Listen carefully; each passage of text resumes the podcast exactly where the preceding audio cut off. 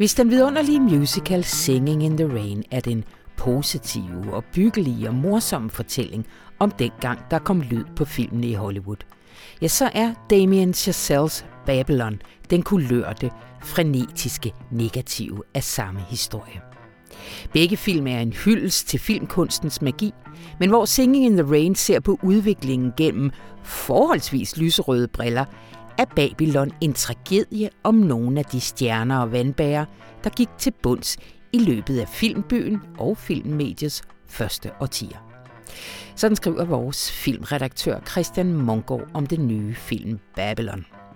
Om den også engang kommer til at stå tilbage som en af de helt store klassiske fortællinger af Hollywood, ligesom Singing in the Rain gør i dag, vil han nødigt spå om.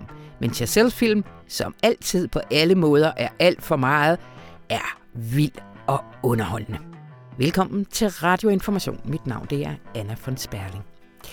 Og jeg får også besøg af chefredaktør Rune Lykkeberg, der har en optur over, at ingen længere vil ses i Davos. Det er simpelthen blevet for pinligt for statslederne at være til World Economic Forum.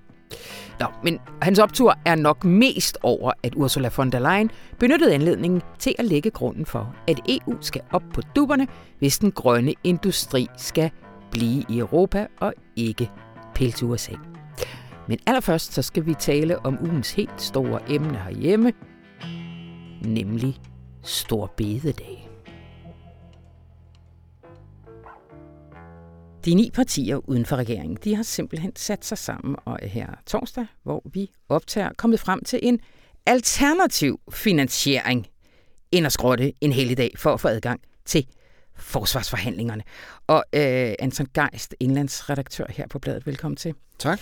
Øh, vi skal tale de store linjer, men skal vi ikke lige blive lidt ved det helt aktuelle allerførst? Altså, hvad er sådan hovedlinjerne i de i partiernes uden for regeringens øh, forslag?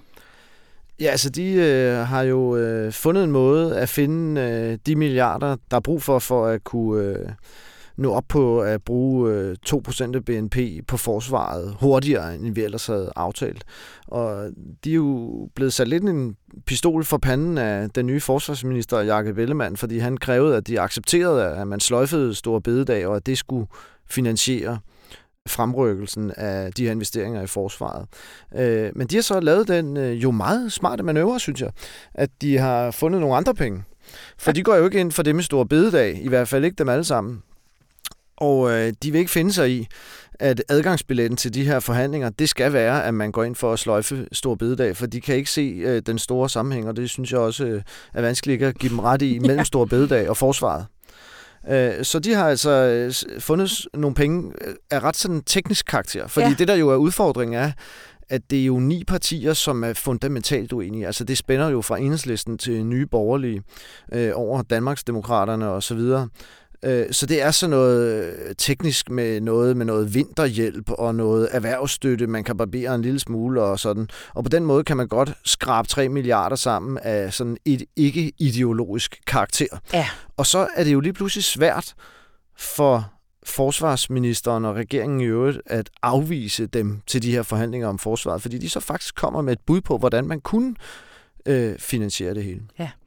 Og, og de har vel også, altså, hvad skal man sige, den her kobling mellem, øh, der er krig i Ukraine, så I skal undvære en helligdag, som ligesom jo helt tydeligt øh, retorisk har været det, øh, mm-hmm. det man har valgt at, øh, at hamre på. Den, den bliver også lidt udhulet, så regeringen står så tilbage med at skulle argumentere for det der lidt mere komplekse øh, arbejdsudbudsreform øh, argument for... Ja, det er jo en lidt, øh, det er nemlig nu pludselig regeringen, der får en lille smule pistolen på panden. Altså fordi de har jo insisteret på, at, øh, at, at der var den her meget øh, tætte sammenhæng mellem Stor Bededag og forsvaret.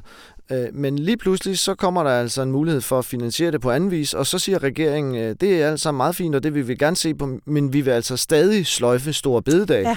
fordi vi mener, det er vigtigt at udvide arbejdsudbuddet og få nogle flere penge i kassen, fordi vi skal jo bruge penge til rigtig mange ting. Også den grønne omstilling og alt muligt andet. Så, så det der forbundne kar, det, det er ligesom... Ja, det er, ja. det. det er jo meget sjovt. uh, det er ikke helt så, så klar en sammenhæng længere.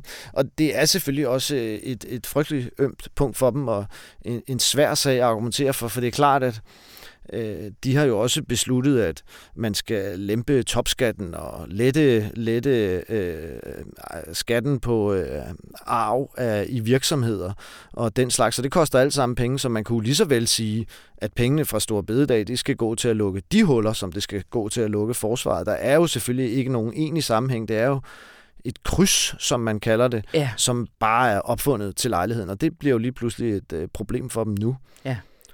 Men det her kryds, det er vel ikke helt nyt? Det er vel et gammelt, øh, gammelt trick? Øh... Ja, ja, det er jo det. Bjarne Korten har jo sådan lidt øh, fortalt om i offentligheden, at det var, han mener selv, at han er en af opfinderne af det. Han har i hvert fald brugt det flittigt, men han har også sagt, at han synes, at, at her er det jo særligt kreativt brugt. Men det synes, tror jeg egentlig, han, han siger...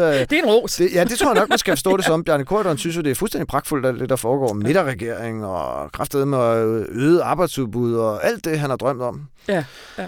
Men han får næsten også credit for det, fordi der er ikke rigtig nogen andre, der vil sige, at det er en blomskrod i deres have, vel? Nej, nej, fordi det er jo en, øh, selvfølgelig en lidt gusten manøvre. Altså, jeg har øh, nogle gange tænkt, det er sådan lidt øh, chokdoktrin light. Altså det her med, at der er en ting, man gerne vil have gennemført, og så opstår der en krise eller en eller anden begivenhed, som man så bruger som sådan en slags rambuk til at tvinge det igennem. Og der er jo øh, en masse, der gerne vil øge arbejdsudbuddet, og så har vi krigen i Ukraine, og så kan vi lige pludselig foregive, at øh, hvis vi vil udvise solidaritet med det ukrainske folk, så bliver vi altså også nødt til at sløjfe en enkelt af de øh, helligdage, vi har i løbet af foråret. Ja. Og det er jo som sagt øh, i ret høj grad opfundet til lejligheden. Ja.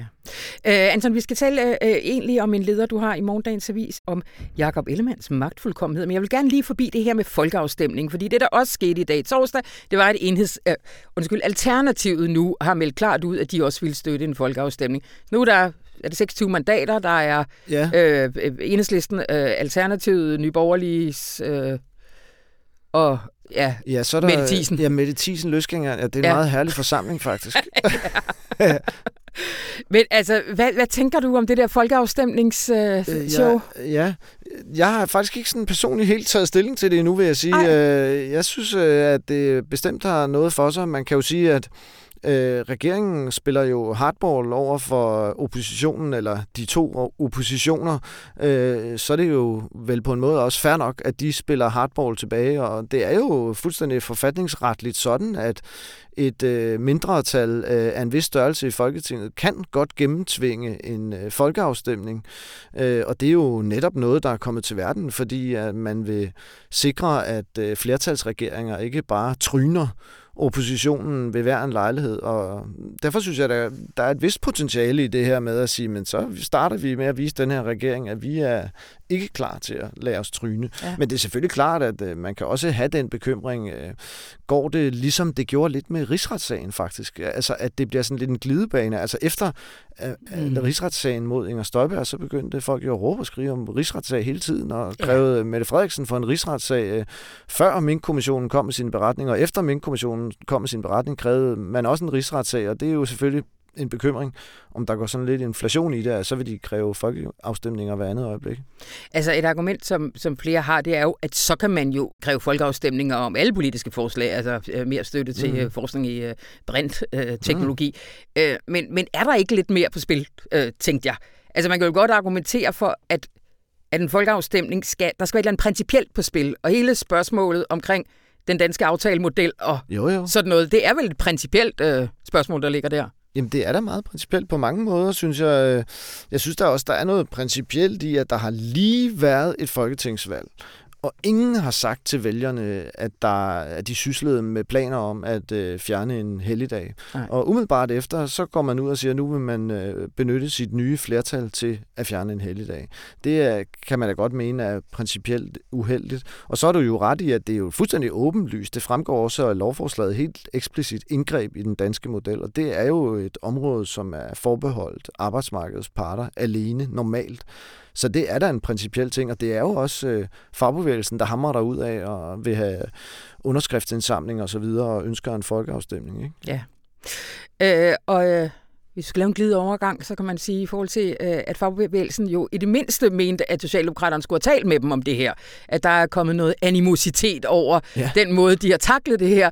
Øh, men det paradoks, som du peger på i din leder her i, øh, i torsdagens avis, er jo det her med, at den, der råbte allermest om magtfuldkommenhed, nu udviser en høj grad af den samme adfærd. Altså ja, det synes jeg. Ja, det synes jeg, fordi han var jo med bannerfører for magtfuldhedskampagnen imod Mette Frederiksen. Øh, og der synes jeg jo, at det er... Der ligger jo en ironi i, at hun var trods alt leder af en mindretalsregering, og det vil sige, der er også grænser for, hvor magtfuldkommen hun så kunne være, mm. fordi øh, hun havde jo, hun rådede jo ikke over et folketingsflertal. Øh, og øh, der kan man sige, at der er en ironi i, at, at man nu er fra venstre side og moderaternes side altså gør hende til statsminister en flertalsregering. Fordi flertalsregeringen kan jo lige præcis trumle resten af Folketinget. Og det er jo så også lige præcis det, de har lagt ud med øh, at gøre. Fordi det Jakob Ellemann i hvert fald i første omgang sagde, det var jo altså, at hvis man vil være med i forhandlingerne om forsvarsforledet, så skal man også acceptere at øh, sløjfe store bededag. Og som vi har talt om, så er det sådan et ret vilkårligt kryds mellem de to ting. Det giver ikke rigtig mening. Og det er lidt i strid med, at man har en normal ambition om, at sådan nogle langvarige forsvarsforlig, de skal være bredt forankret i Folketinget. Ja. Øh, og man kan også sige, at der blev indgået en aftale sidste år, hvor de konservative og SF'er og de radikale også var med øh, om øh, præcis forsvaret. Og det er klart, at de havde selvfølgelig en forventning. Det fremgår også... Øh, klart at den aftale, det der hed det nationale kompromis, mm. at selvfølgelig skulle de så være med til at aftale øh, rammerne for øh, opgraderingen af det danske forsvar. Og lige pludselig så får de altså at vide, at det kan de ikke få lov til, medmindre de øh, synes, at det er helt rigtigt at sløjfe stor bededag. Ja. Øh, og det kan man jo godt kalde magtfuldkomment, og det har de jo så også gjort. Pia Olsen Dyrs synes jeg var meget sjov, fordi hun sagde, at hun har faktisk ikke rigtig deltaget i råbekoret om magtfuldkommenhed. Hun har slet ikke rigtig brugt den term i forhold til Mette Frederiksen, men nu synes hun faktisk, at der er tale om magtfuldkommenhed ja. fra regeringens side. Ja. Ikke? Og, ja, og så er det jo altså, at det er sjovt, at, at det lige præcis er Jakob Ellemann, der så øh, er den, der har... Øh, har gået, er gået magtfuldkommen til værks, fordi at han råbte så højt om magtfuldkommenhed. Og på mange parametre synes jeg, de har, de har ageret magtfuldkommen. Altså nu talte vi lige om det her med, at det er et fuldstændig åbenlyst indgreb i den danske model, det er jo også magtfuldkommen. Det er jo mm. noget, politikere ikke skal blande sig i øh, som udgangspunkt. Og det her med, at man altså vil gennemføre noget, som man overhovedet ikke har fortalt øh, vælgerne, at man har i sinde at gøre. Og en sidste ting er også, at øh, hvad hedder det, at, at de skriver i regeringsgrundlaget, regeringen, de har sådan et flot afsnit, det er der altid i regeringsgrundlag, om god regeringsførelse og ja. alle de, fine ting, de har tænkt sig at gøre. Og blandt andet så vil de gå meget op i at overholde høringsfristerne, skriver de. Øh, og, og det er sådan, at man siger, at der skal normalt være 30 dages høringsfrist på et lovforslag, sådan at organisationer og alle de der relevante parter, der kan kommentere et lovforslag for ligesom at sikre lovkvaliteten, de har god tid til at sætte sig ind i det og kommentere det. Men i det her tilfælde, øh, som jo næsten er regeringens, tæt på regeringens første embedsgærning, der udsender de det som syv dages høringsfrist. Og det har jo, kunne man jo også kalde magtfuldkomment, altså, fordi det tyder jo ikke på, at de reelt er særlig optaget af, hvad andre egentlig måtte mene om deres idé. De har bare tænkt sig at sløjfe stor bededag, sådan bliver det. Ja. Øh, så der, der, der ja. på mange måder, så er det Jacob Ellemann, og det var det, jeg synes var så sjovt. Det var faktisk derfor, jeg skrev lederen, fordi jeg synes, han kom med sådan fuldstændig pragtfuld, pragtfuld. Nu skal jeg lige finde citatet, øh, Anna. Hvad hedder det? det pragtfuldt citat. Hvad hedder det? Um... Og så kan jeg lige i mens ja. du leder sige, ja. det er jo også lidt vildt det her med, at det fuldstændig nærmest eneste, men i hvert fald konstante argument, som Mette Frederiksen havde under valgkampen for midterregeringen, var jo det nationale kompromis. Altså, Præcis, det, det jo... synes jeg, du har helt ret i. Og kraftet med Anna, det tænkte jeg på i går aftes, efter jeg havde skrevet min leder. tænkte jeg, sands også. ja. Den pointe, den glemte jeg. For det, Men nu kom den her. Ja, ja. skide godt.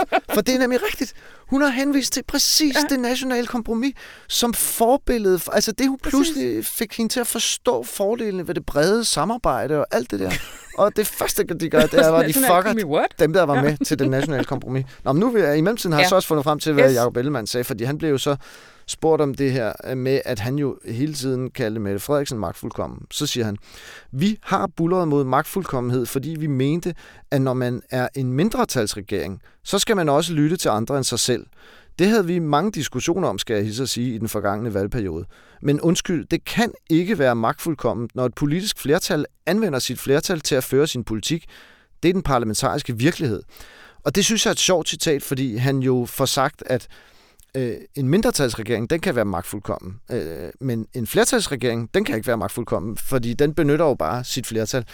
Og der tænker jeg, at det er vel indbegrebet af magtfuldkommenhed, det er jo, at du faktisk har magt, ja. og at du benytter den enrådet. Ja. Det er sådan, man vil definere magtfuldkommenhed.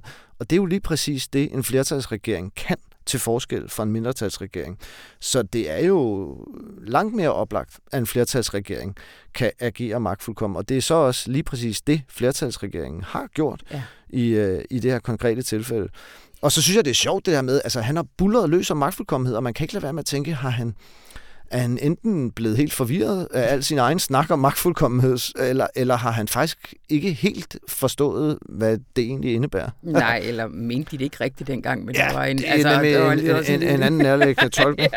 ja. uh, Anton, lige her, helt kort til ja, allersidst. Ja. Altså, der bliver diskuteret meget, ikke mindst uh, på de sociale medier lige nu.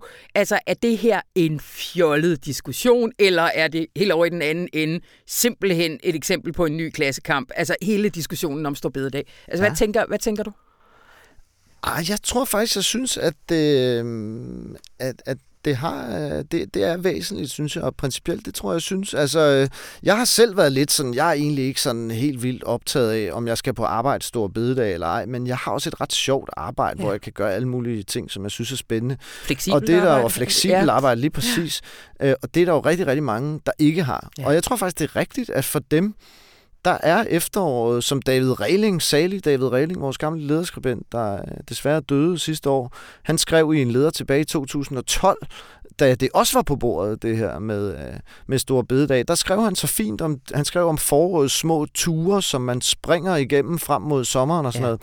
Og det synes jeg faktisk var så fint, og, og man kan sige, øh, fritid er jo et gode, og trenden går jo imod mere fritid. Folk vil gerne have arbejdet lidt mindre og øh, have det lidt godt. Ja. Og så er der et pres for et øget arbejdsudbud, som især kommer fra erhvervsorganisationerne. De er jo bullet op om, at de vil have et øget arbejdsudbud på 50.000, og også beskrevet det som en fuldstændig nødvendighed. Ja. Men det er ikke en økonomisk nødvendighed. Dansk økonomi er kernesund, så der er ikke det her pres. Og på den måde synes jeg egentlig, det er lidt groft, at man vil indskrænke danskernes frihed en lille bitte smule, for øh, hvad de i virkeligheden i ret høj grad er imødekomme nogle erhvervsorganisationer. Det bliver, hvad vi nåede. Ja, Tusind tak, Anton Geist. Ja, selv tak.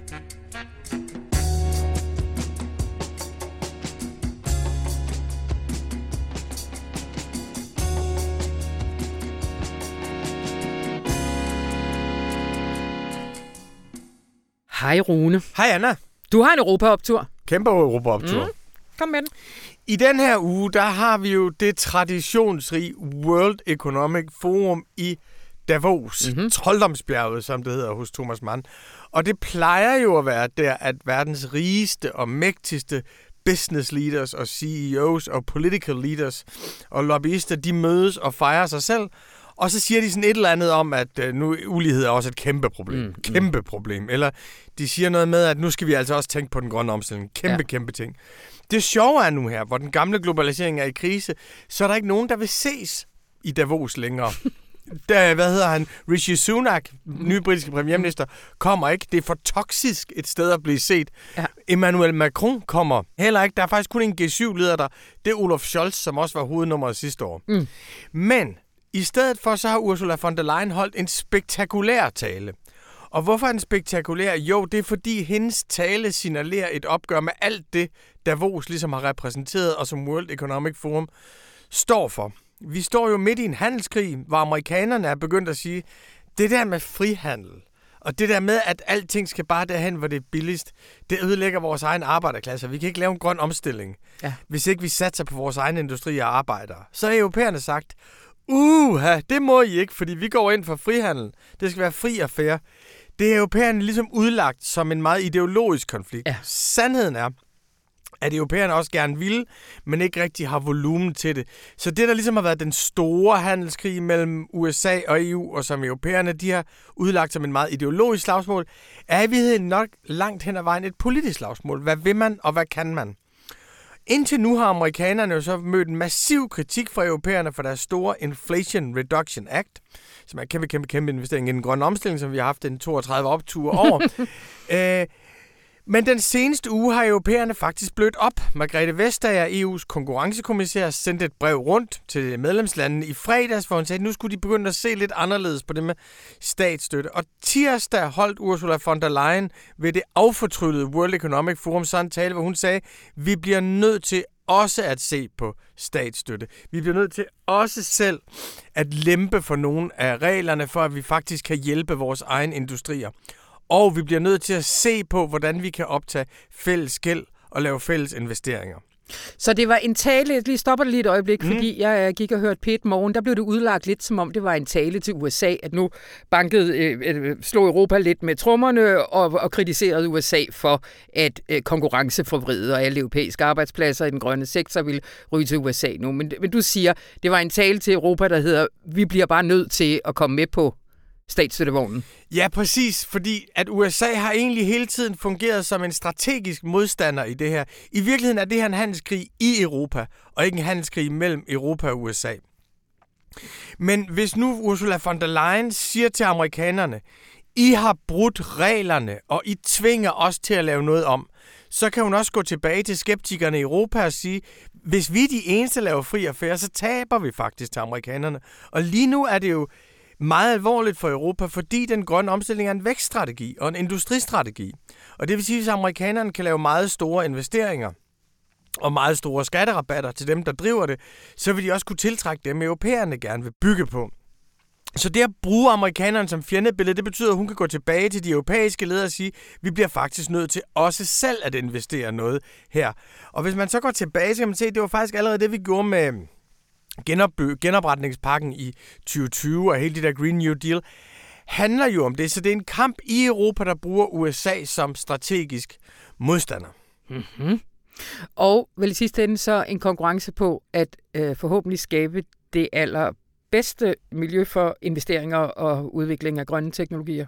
Ja, og en erkendelse af, at frihandel som vi har kendt det i 40 år, som jo ikke er fri handel, men stærkt reguleret handel til fordel for nogle ganske bestemte, ikke har virket. Det har smadret vores sociale kontrakter. Det har gjort det meget svært for os at lave en grøn omstilling. Det har afpolitiseret vores økonomi. Og det er en erkendelse af, at vi taber i Europa, hvis vi, hvis vi bliver ved med det. Og i stedet for skal vi have det, som amerikanerne, det er et vidunderligt øh, nyt udtryk, amerikanerne er begyndt at bruge, et race to the top. I stedet for et race to the bottom, hvor man sænker selskabsskatterne, så siger amerikanerne, grønne investeringer, det skal være race to the top. Og det er klart, det er en meget mere socialdemokratisk globalisering end neoliberalistisk. Og meget af det er jo rigtig positivt. Man skal også hele tiden underforstå, at det er for at slås med kineserne. Ja. Så de bygger også. Så, så, og når vi laver optur om to år, så vil vi sidde og hisse os op over The Green Industrial Complex i Europe og America, fordi det er blevet store kapitalkoncentrationer. Men det betyder, at Danmark kommer til at få en anden industripolitik. Europa får en anden industripolitik. Og det vil bare køre det gode gamle Davos-race. Those days are over. Optur! Kæmpe optur. Kæmpe optur. Tusind tak, Rune Lykkeberg.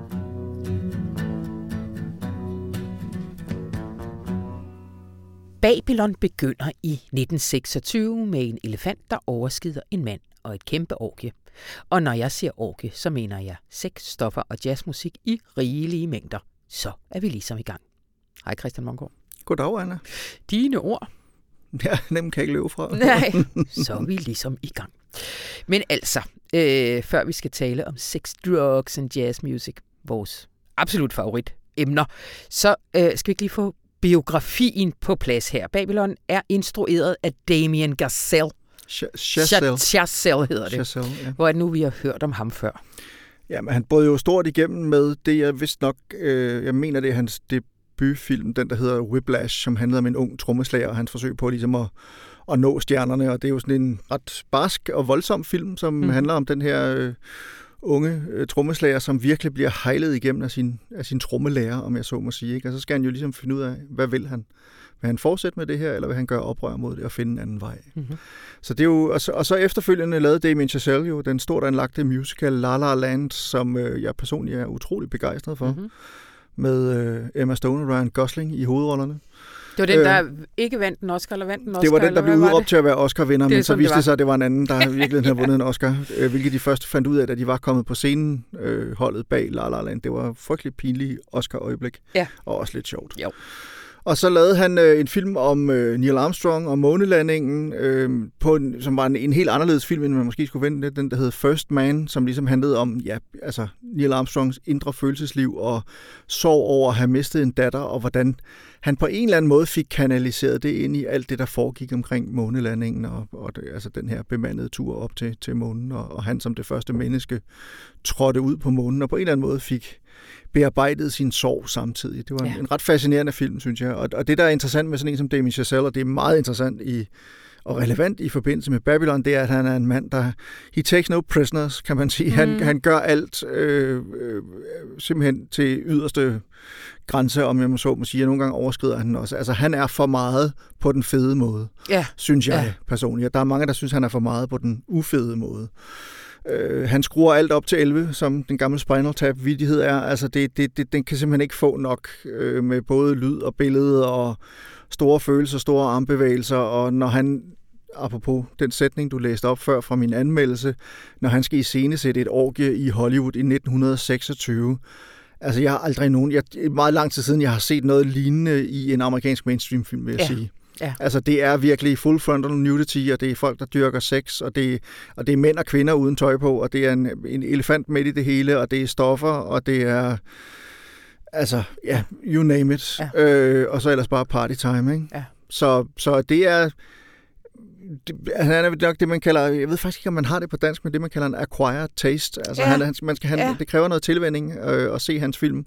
Og enten kan man lide ham, eller også kan man virkelig ikke lide ham, tror jeg. Ja. Sådan, det er lidt min fornemmelse. jeg havde engang en terapeut, der siger, at man kan ikke være for meget, man kan kun være for lidt. Den kan du lige sidde og tænke over. Det synes jeg sådan set er meget fint sagt. Øhm, Mongård, vi skal lige sætte scenen. Helt øh, 1926, så, meget, Ja. ja. så langt er vi. Hvad, hvad handler den om? Jamen altså, øh, Babylon er jo en fortælling om Hollywood. Og det er en fortælling om Hollywood i en brydningstid. 1926, det er året før øh, Al Jolson, Warner Brothers filmen The Jazz Singer kommer ud i biograferne. Den Mhm. første talefilm, første tonefilm, øh, som jo ligesom revolutionerer verden. Pludselig skal der være lyd på alle filmene. Indtil da har det jo været stumfilm. Pludselig skal der være lyd på, øh, på alle filmene, og det kaster jo Hollywood ud i en identitetskrise af de større. Øh, ikke mindst fordi mange af de skuespillere, øh, som var enormt populære som stumfilmstjerner, de øh, snakkede meget gebrokkent engelsk, fordi de kom fra alle mulige steder i verden. Eller også havde de stemmer, som overhovedet ikke egnede sig til at blive hørt, enten i radioen for den sags skyld, eller, øh, eller på et filmlydspor.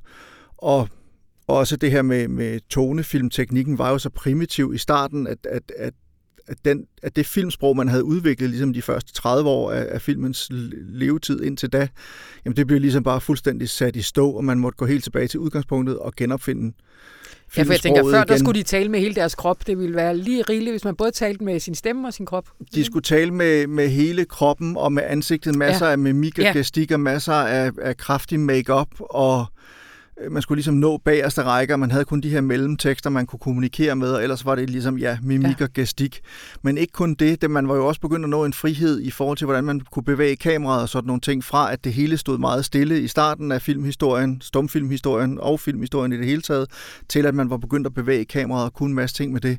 Pludselig skulle man så til at lave lydfilm, og man kunne kun finde ud af at hænge de der mikrofoner et bestemt sted på sættet, eller to bestemte steder, eller også så skulle, og så måtte folk simpelthen ikke, de skulle stå under de mikrofoner og tale, for ellers kunne man ikke høre dem, eller også så måtte man have en mikrofon indbroderet i øh, sin corsage på brystet, eller i en potteplante, så folk stod engang en rigtig stor mikrofon. en meget stor mikrofon, om, om, eller, eller også så stod man ellers for den gemt i en potteplante, og så stod de og talte direkte ind i potteplanten, hvilket jo gjorde det hele lidt grotesk, men også gjorde, at det der frigjorte filmsprog, man var nået frem til, altså stumfilmen havde jo virkelig udviklet sig og var lavet nogle fantastiske fortællinger, også visuelt set Ja. på det her tidspunkt. Og alt gik fuldstændig i stå, og så skulle man nærmest genopfinde det hele igen, indtil tonefilmteknikken også blev smidig på samme måde, som, ja. som man havde været tidligere. Jeg kan anbefale lytterne, for vi kunne tale meget længe om det her, men ja. Gå ind på uh, information.dk og så søg på Christian Mongård stumfilm, fordi jeg husker, du gennem tiden har skrevet nogle uh, smukke tekster om din kærlighed til stumfilm. Jeg har skrevet om en hel del stumfilm, og Ja. det er netop, men altså, så, så man kan ligesom sige, Hollywood bliver kastet ud i den her ja. identitetskrise, og udvikler sig fra, fra 26 og frem til 233, tror jeg det er, filmen formelt slutter. Vi, vi ser så også noget, der springer frem til 50'erne og sådan noget, og, og helt frem til nutiden, men det behøver vi ikke at snakke om nu. Det har ikke så meget med. Altså, grundkernen er de der 6-7 år, fra 26, øh, 6, 7, 8 år frem til, til starten af 30'erne, hvor alting forandrer sig. Og der i øvrigt også kommer en ny sådan moral, en ny seksual moral og en ny bonerthed på en eller anden måde ind i, i, i det her Sodom og Gomorra, som mange øh, menige amerikanere jo opfattede Hollywood som på det her tidspunkt. Ja. Altså der blev bare horet, og der blev drukket, og der blev øh, taget stoffer, og det var bestemt ikke noget, man, man overhovedet kunne, kunne understøtte eller bakke op om, eller noget som helst andet. Og så kommer der ligesom en ny moral ind i det hele, og der kommer øh, lige da filmen slutter og sådan noget, der, der kommer så også det her, der hedder The Production Code, hvor man begynder at skulle lægge bånd på sig selv i, altså censurere sig selv, for ellers så kunne filmene simpelthen ikke komme op i biograferne og sådan noget. Mm. Men det er vel også Hollywood, ja. men vel også Hollywood-verden, det er mellemkrigstiden. Øh, ja. Der kommer også en verdenskrig mere og sådan noget. Altså jeg tænker bare, det er vel også pangdangen til, til vores fascination, øh, apropos Babylon Berlin og sådan noget, af en, af en mellemkrigstid af, af, af the swinging 20s og sådan noget, ikke? Jo, jo, og, og, og jo, jo, men helt sikkert. Altså, og, og det er sådan en, en, en svunden tid, og det er en tid, hvor man ligesom havde en fornemmelse af, og det er også ligesom det, filmen handler om, alting kunne lade sig gøre. Ja. Og den begynder meget positivt, og den handler om tre mennesker, og ligesom hvad de oplever, deres storhed og fald, kan man vel nærmest sige. Altså det er, det er både en, en meget munter film, men det er også en meget melankolsk og tragisk film på mange måder. Øh, den handler om en, øh, øh, en ung mexicansk, øh, øh, jamen altså han er produktionsassistent, han starter med i virkeligheden at være den, der følger den her, skal sørge for at få den her enorme elefant op ad et bjerg, op til en stor øh, filmproducents øh, villa, hvor der skal holdes den her gigantiske fest, som det hele indledes med, det her vilde orgie. Han hedder Manny, og i løbet af filmen, så arbejder han sig op igennem systemet. Han møder nogle mennesker og bliver gode venner med dem, og de synes, han er dygtig, og han kan en masse ting, og han viser sig at være ressourcestærk, og han ender med at blive Øh, øh, produktionschef i et af de store filmselskaber i Hollywood. Sideløbende følger vi så Nelly Leroy, øh, en ung New Jersey-pige, spillet af Margot Robbie, øh, som allerede mener, hun er stjerne, hun dukker op til den her kæmpe fest, bliver opdaget og bliver så også stumfilmstjerne. Hvad sker der med hende, da tonefilmen kommer?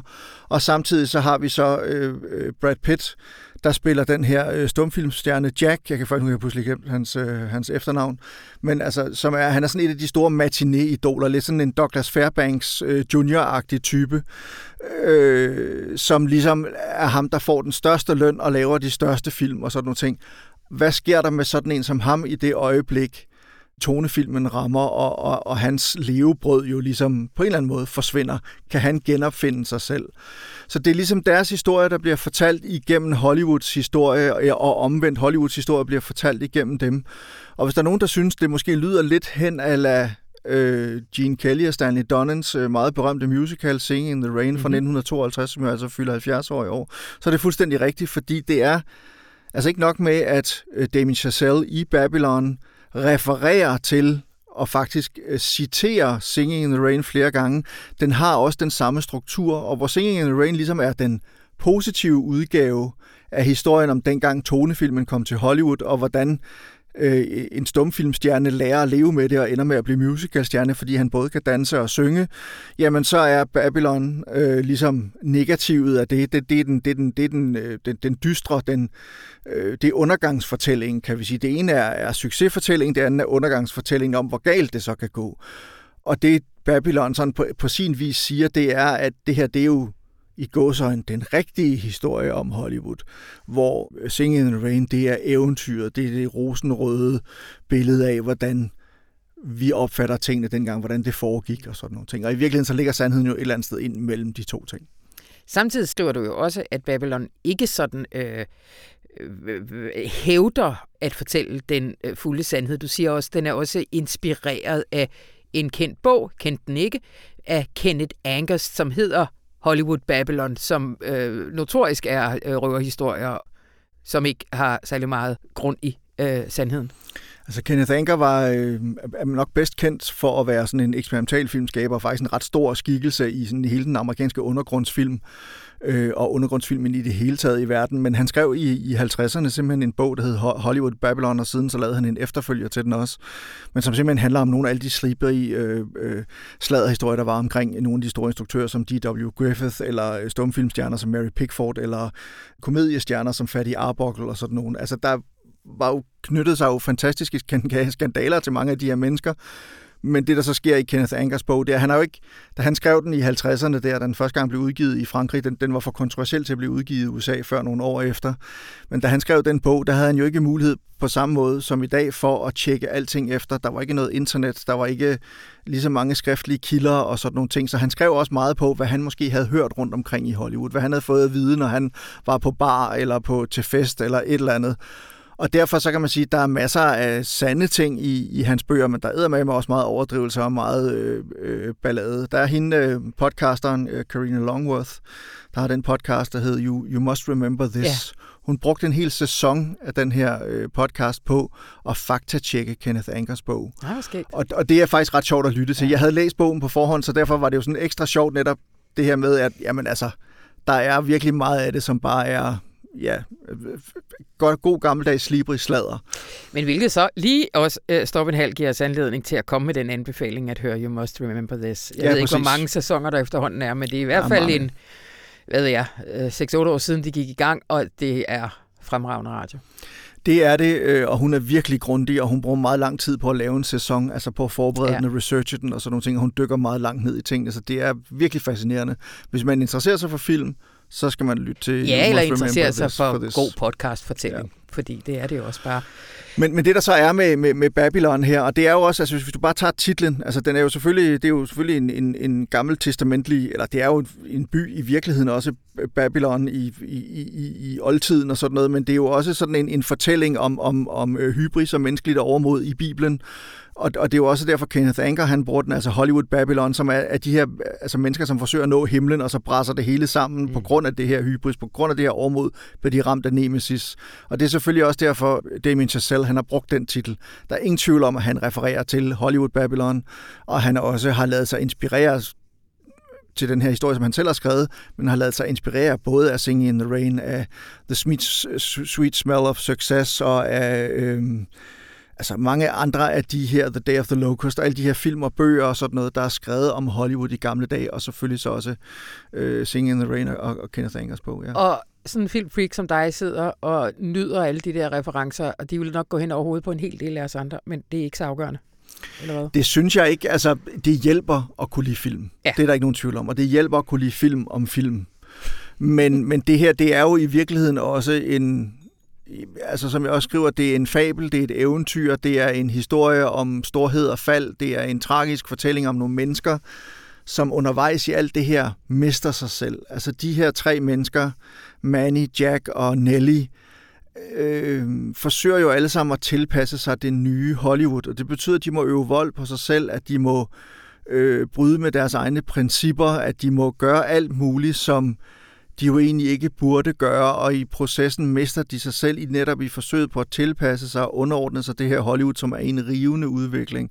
Og spørgsmålet er, kan de holde til det? Kan Hollywood holde til det? Øh, kan de overleve det her? Og det... Øh, altså, nu har jeg måske allerede sagt alt for meget, men, men altså, det, det er jo så noget af det, filmen handler om, og sådan noget, så kan man selv vurdere, hvad man tror, der kommer til at ske og sådan noget. Men det er men det er, det er også bare vigtigt for mig at sige, at det er også en enorm lystfyldt og humørfyldt film, som handler om at fejre og hylde filmmediet og filmkunsten for den magi, den kan skabe op på lærredet. Men samtidig så handler den om, at vi skal ikke tro, at det hele er lykke og fryd og gammel bag mm. kulissen. Og det leder mig frem til, Mongård, mit ja. aller sidste spørgsmål her, som er, at øh, har vi ikke haft relativt mange film de seneste år, der handler om Hollywood? Altså er der ingen grænser for, kunne man sige, Hollywoods selvforelskelse, og hvorfor har vi dem lige nu? Åh, oh, hold da op et stort spørgsmål. Ja, det kunne du godt have forberedt mig på, Anna. Og du har 30 sekunder. Og nu prøver jeg lige at tænke lidt her, mens jeg taler, fordi jeg kan jo ikke sådan helt, og det synes jeg var godt, et godt spørgsmål, godt stillet, synes jeg også. Thanks. Og det, øh... det er noget, man øh, siger, ikke, ikke for at rose øh, interviewer, men for at vinde sig tid. Ja, ja præcis. Jamen, prøv at høre, jeg tror, der er et eller andet med, at Hollywood lige nu er i identitetskrise, og har været det i en faktisk en hel del år, fordi verden er meget mere fragmenteret, end den nogensinde har været før. I 1926, hvor Babylon begynder, der var Hollywood et lille geografisk område i en, altså en lille soveby i udkanten af Los Angeles. I dag er det mere et fænomen, en sindstilstand, en stemning, mm. noget vi betegner noget andet, altså nærmest en genrebetegnelse et eller andet sted, fordi Hollywood-film bliver ikke lavet i Hollywood længere. Der bliver lavet flere, flere tv-serier i det, de gamle filmstudier i dag i Hollywood, i Los Angeles, end der bliver lavet film. Filmene bliver lavet rundt over hele verden og bliver finansieret med penge fra hele verden og med skattefordele i forskellige amerikanske stater. Eller altså, når man skal optage en film i New York i dag, så har man sjældent op, råd til at optage i New York, eller lave en film, der foregår i New York. Så har man ikke råd til at optage i New York, man optager i øh, Vancouver, i Toronto eller i Montreal i Canada i stedet for, fordi det er meget billigere. Så Hollywood er ikke, hvad det var engang, og det tror jeg giver nogle af de her instruktører og Hollywood i det hele taget. Og det er også derfor, de holder sig krampagtigt fast i alle mm. de her mm. prisuddelinger, Golden yeah. Globes og Oscar og sådan noget. De har brug, det, det handler om deres identitet og deres... Øh, selvfølelse og deres selvopfattelse et eller andet sted. Altså det, mm. det er ligesom fundamentet skrider under ja. dem i en eller anden forstand. Deres også, sted og deres stamme. Deres sted ja. og deres stamme, og også alt det her med streaming nu. Ja, altså som pludselig, pludselig laver Netflix øh, film, som, som kan konkurrere til, på filmfestivaler. Ikke okay, de kan blive vist på filmfestivalen i Cannes og konkurrere på andre filmfestivaler og blive nomineret til Oscars. Lige pludselig er der nærmest ikke brug for de gamle filmstudier længere. Og det tror jeg også måske giver sådan en eller anden form for nostalgisk trang til at kigge tilbage på alt det, som ligesom har skabt det, vi har i dag, og ligesom at minde os om, det var altså filmen, der startede det hele for øh, 120 år siden, ikke? 126 år siden må det være efterhånden. Ikke? Altså, og, og meget af det foregik i Hollywood, og meget af, de, meget af det, vi står på i dag, eller som visuelle fortællere står på i dag, hvad enten det er tv eller film, det er det, der blev lavet i Hollywood dengang, mm. blandt andet. Det tror man jeg kunne vel næsten tingene. også, altså, når den her handler om det store paradigmeskifte, der sker med taleteknologien i film, altså øh, streamingtjenesterne for eksempel, kan vel også, altså noget, man vil se tilbage på som sådan en slags defining new age, ikke? Det er jeg fuldstændig enig med dig i, og en af pointerne i filmen, som faktisk bliver sagt sådan, altså det bliver ikke sagt sådan helt eksplicit, men det er et eller andet retning af, at vi har vundet meget, både teknologisk og øh, moralsk og på alle indholdsmæssigt og, og, og fortællemæssigt på alle mulige måder med den udvikling, der er sket siden stumfilmtiden og helt frem til i dag. Og det, kan man, og det samme kan man sige om streaming. Altså, vi har vundet meget, der er kommet med streaming, men vi har også mistet noget. Mm. Og det Babylon så siger, Chazelle, han siger, jeg skriver det også i min anmeldelse, det er, at vi har måske mistet noget passion og noget uskyld som der var engang. Altså på trods af sexorgierne og stofferne og alt det der, så var der en uskyld over det. Der var sådan en Klondike-stemning. Der mm. var en passion over det, som måske er forsvundet lidt efterhånden. Og det, mm. det er også en af pointerne i filmen. Mm. Og det er måske også en af pointerne i forhold til, til netop den verden, vi lever i nu og her, og med streaming og Hollywood, der ikke længere er Hollywood. Ja. Det var det. Tusind tak, Christian Mongård. Det er mig, der takker Gå ind og se Babylon på de store skærme, øh, når man kan nå det. Store lærder. Lærder.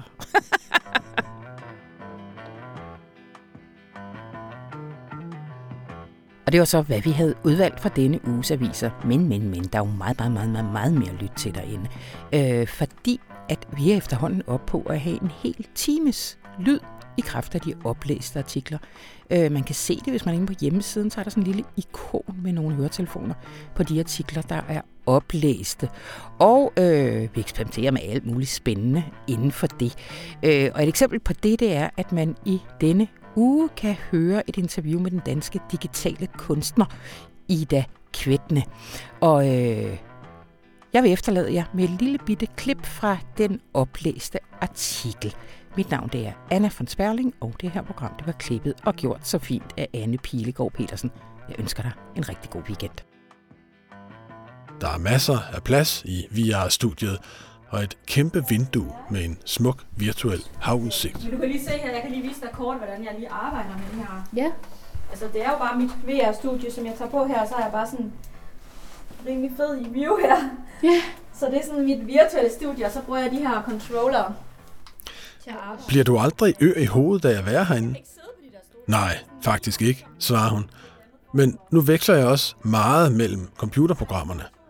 Når jeg har lavet skulpturer i Virtual Reality-studiet, uploader jeg dem tit til et andet computerprogram for at arbejde videre med dem uden headset, forklarer hun. Desuden nyder hun stadig at arbejde med ler og at male malerier, og Ida Kvetni har faktisk altid vekslet mellem det virtuelle og det analoge. Og sådan står og modellerer, men på en måde så minder det faktisk. Altså der er alle mulige forskellige, ligesom hvis man stod med en klump ler og arbejdede, så har man sådan en, så kan man lige sådan smutte det ud. Så gør man lige sådan, og der er nogle ting, der går igen. Ja. I forhold Min generation var jo en af de første, der havde computeren som et værktøj, siger hun. Som lille sad Ida Kvetni med sin fars Commodore 64 og spillede Back to the Future og Ninja Turtles, og et eller andet spil, hvor man skulle slå en drage ihjel, som hun siger. Hun viser mig de gamle floppy disks med spil på, og børster støvet af den gamle Commodore 64, der står ved siden af. Virkelig, så kan se diskettedrevet er her, og jeg synes bare, det var meget sådan sjovt, at man har siddet og skrevet de der små, sådan, man har sådan prøvet at holde lidt orden i det, og skrevet sådan, hvad spillene hed, og Toddler jamming. Comic Bakery, det var sådan noget mærkeligt noget, hvor man skulle, det var sådan ligesom en, en bagerbutik, og så skulle man bage de der brød, og så var der hele sådan nogle hunde, der kom og snuppede brødene. så skulle man sådan hurtigt sådan... Men det var jo Ida Kvetnis far, Jan Kvetni, var overlæge og professor, og samtidig meget interesseret i computere. Hendes familie var derfor også en anelse tidligt med på computerbølgen. Derhjemme sad han og kodede, mens Ida Kvetni kiggede ham over skulderen. Han lavede engang et spil, der hed Betonrotterne. Sådan. Det var, det var virkelig bare sådan nogle pixels. Ja. Hvis nogle små rotter, der skulle sådan bide en mur i stykker, og hvis de så nåede det, inden man fik skudt dem, eller sådan noget, så kom der en eller anden blodbølge. Og det var altid sådan noget, jeg kan huske, at han sad og kodede alle de der ting. Og så, hvis han bare lavede en lille bitte ting forkert, så skulle man starte helt forfra. Wow. Det er fra ham og spillene, hun selv fik interessen for computere og teknologi. Fra moren, Birgitte Kvetni, der var tandlæge, kom kunstinteressen. Både mor og far tog Ida Kvetni og hendes søster med på museer, til opera og klassisk musik. Så de var selv ude om, at jeg endte med at vælge kunstvejen, siger Ida Kvetni og griner.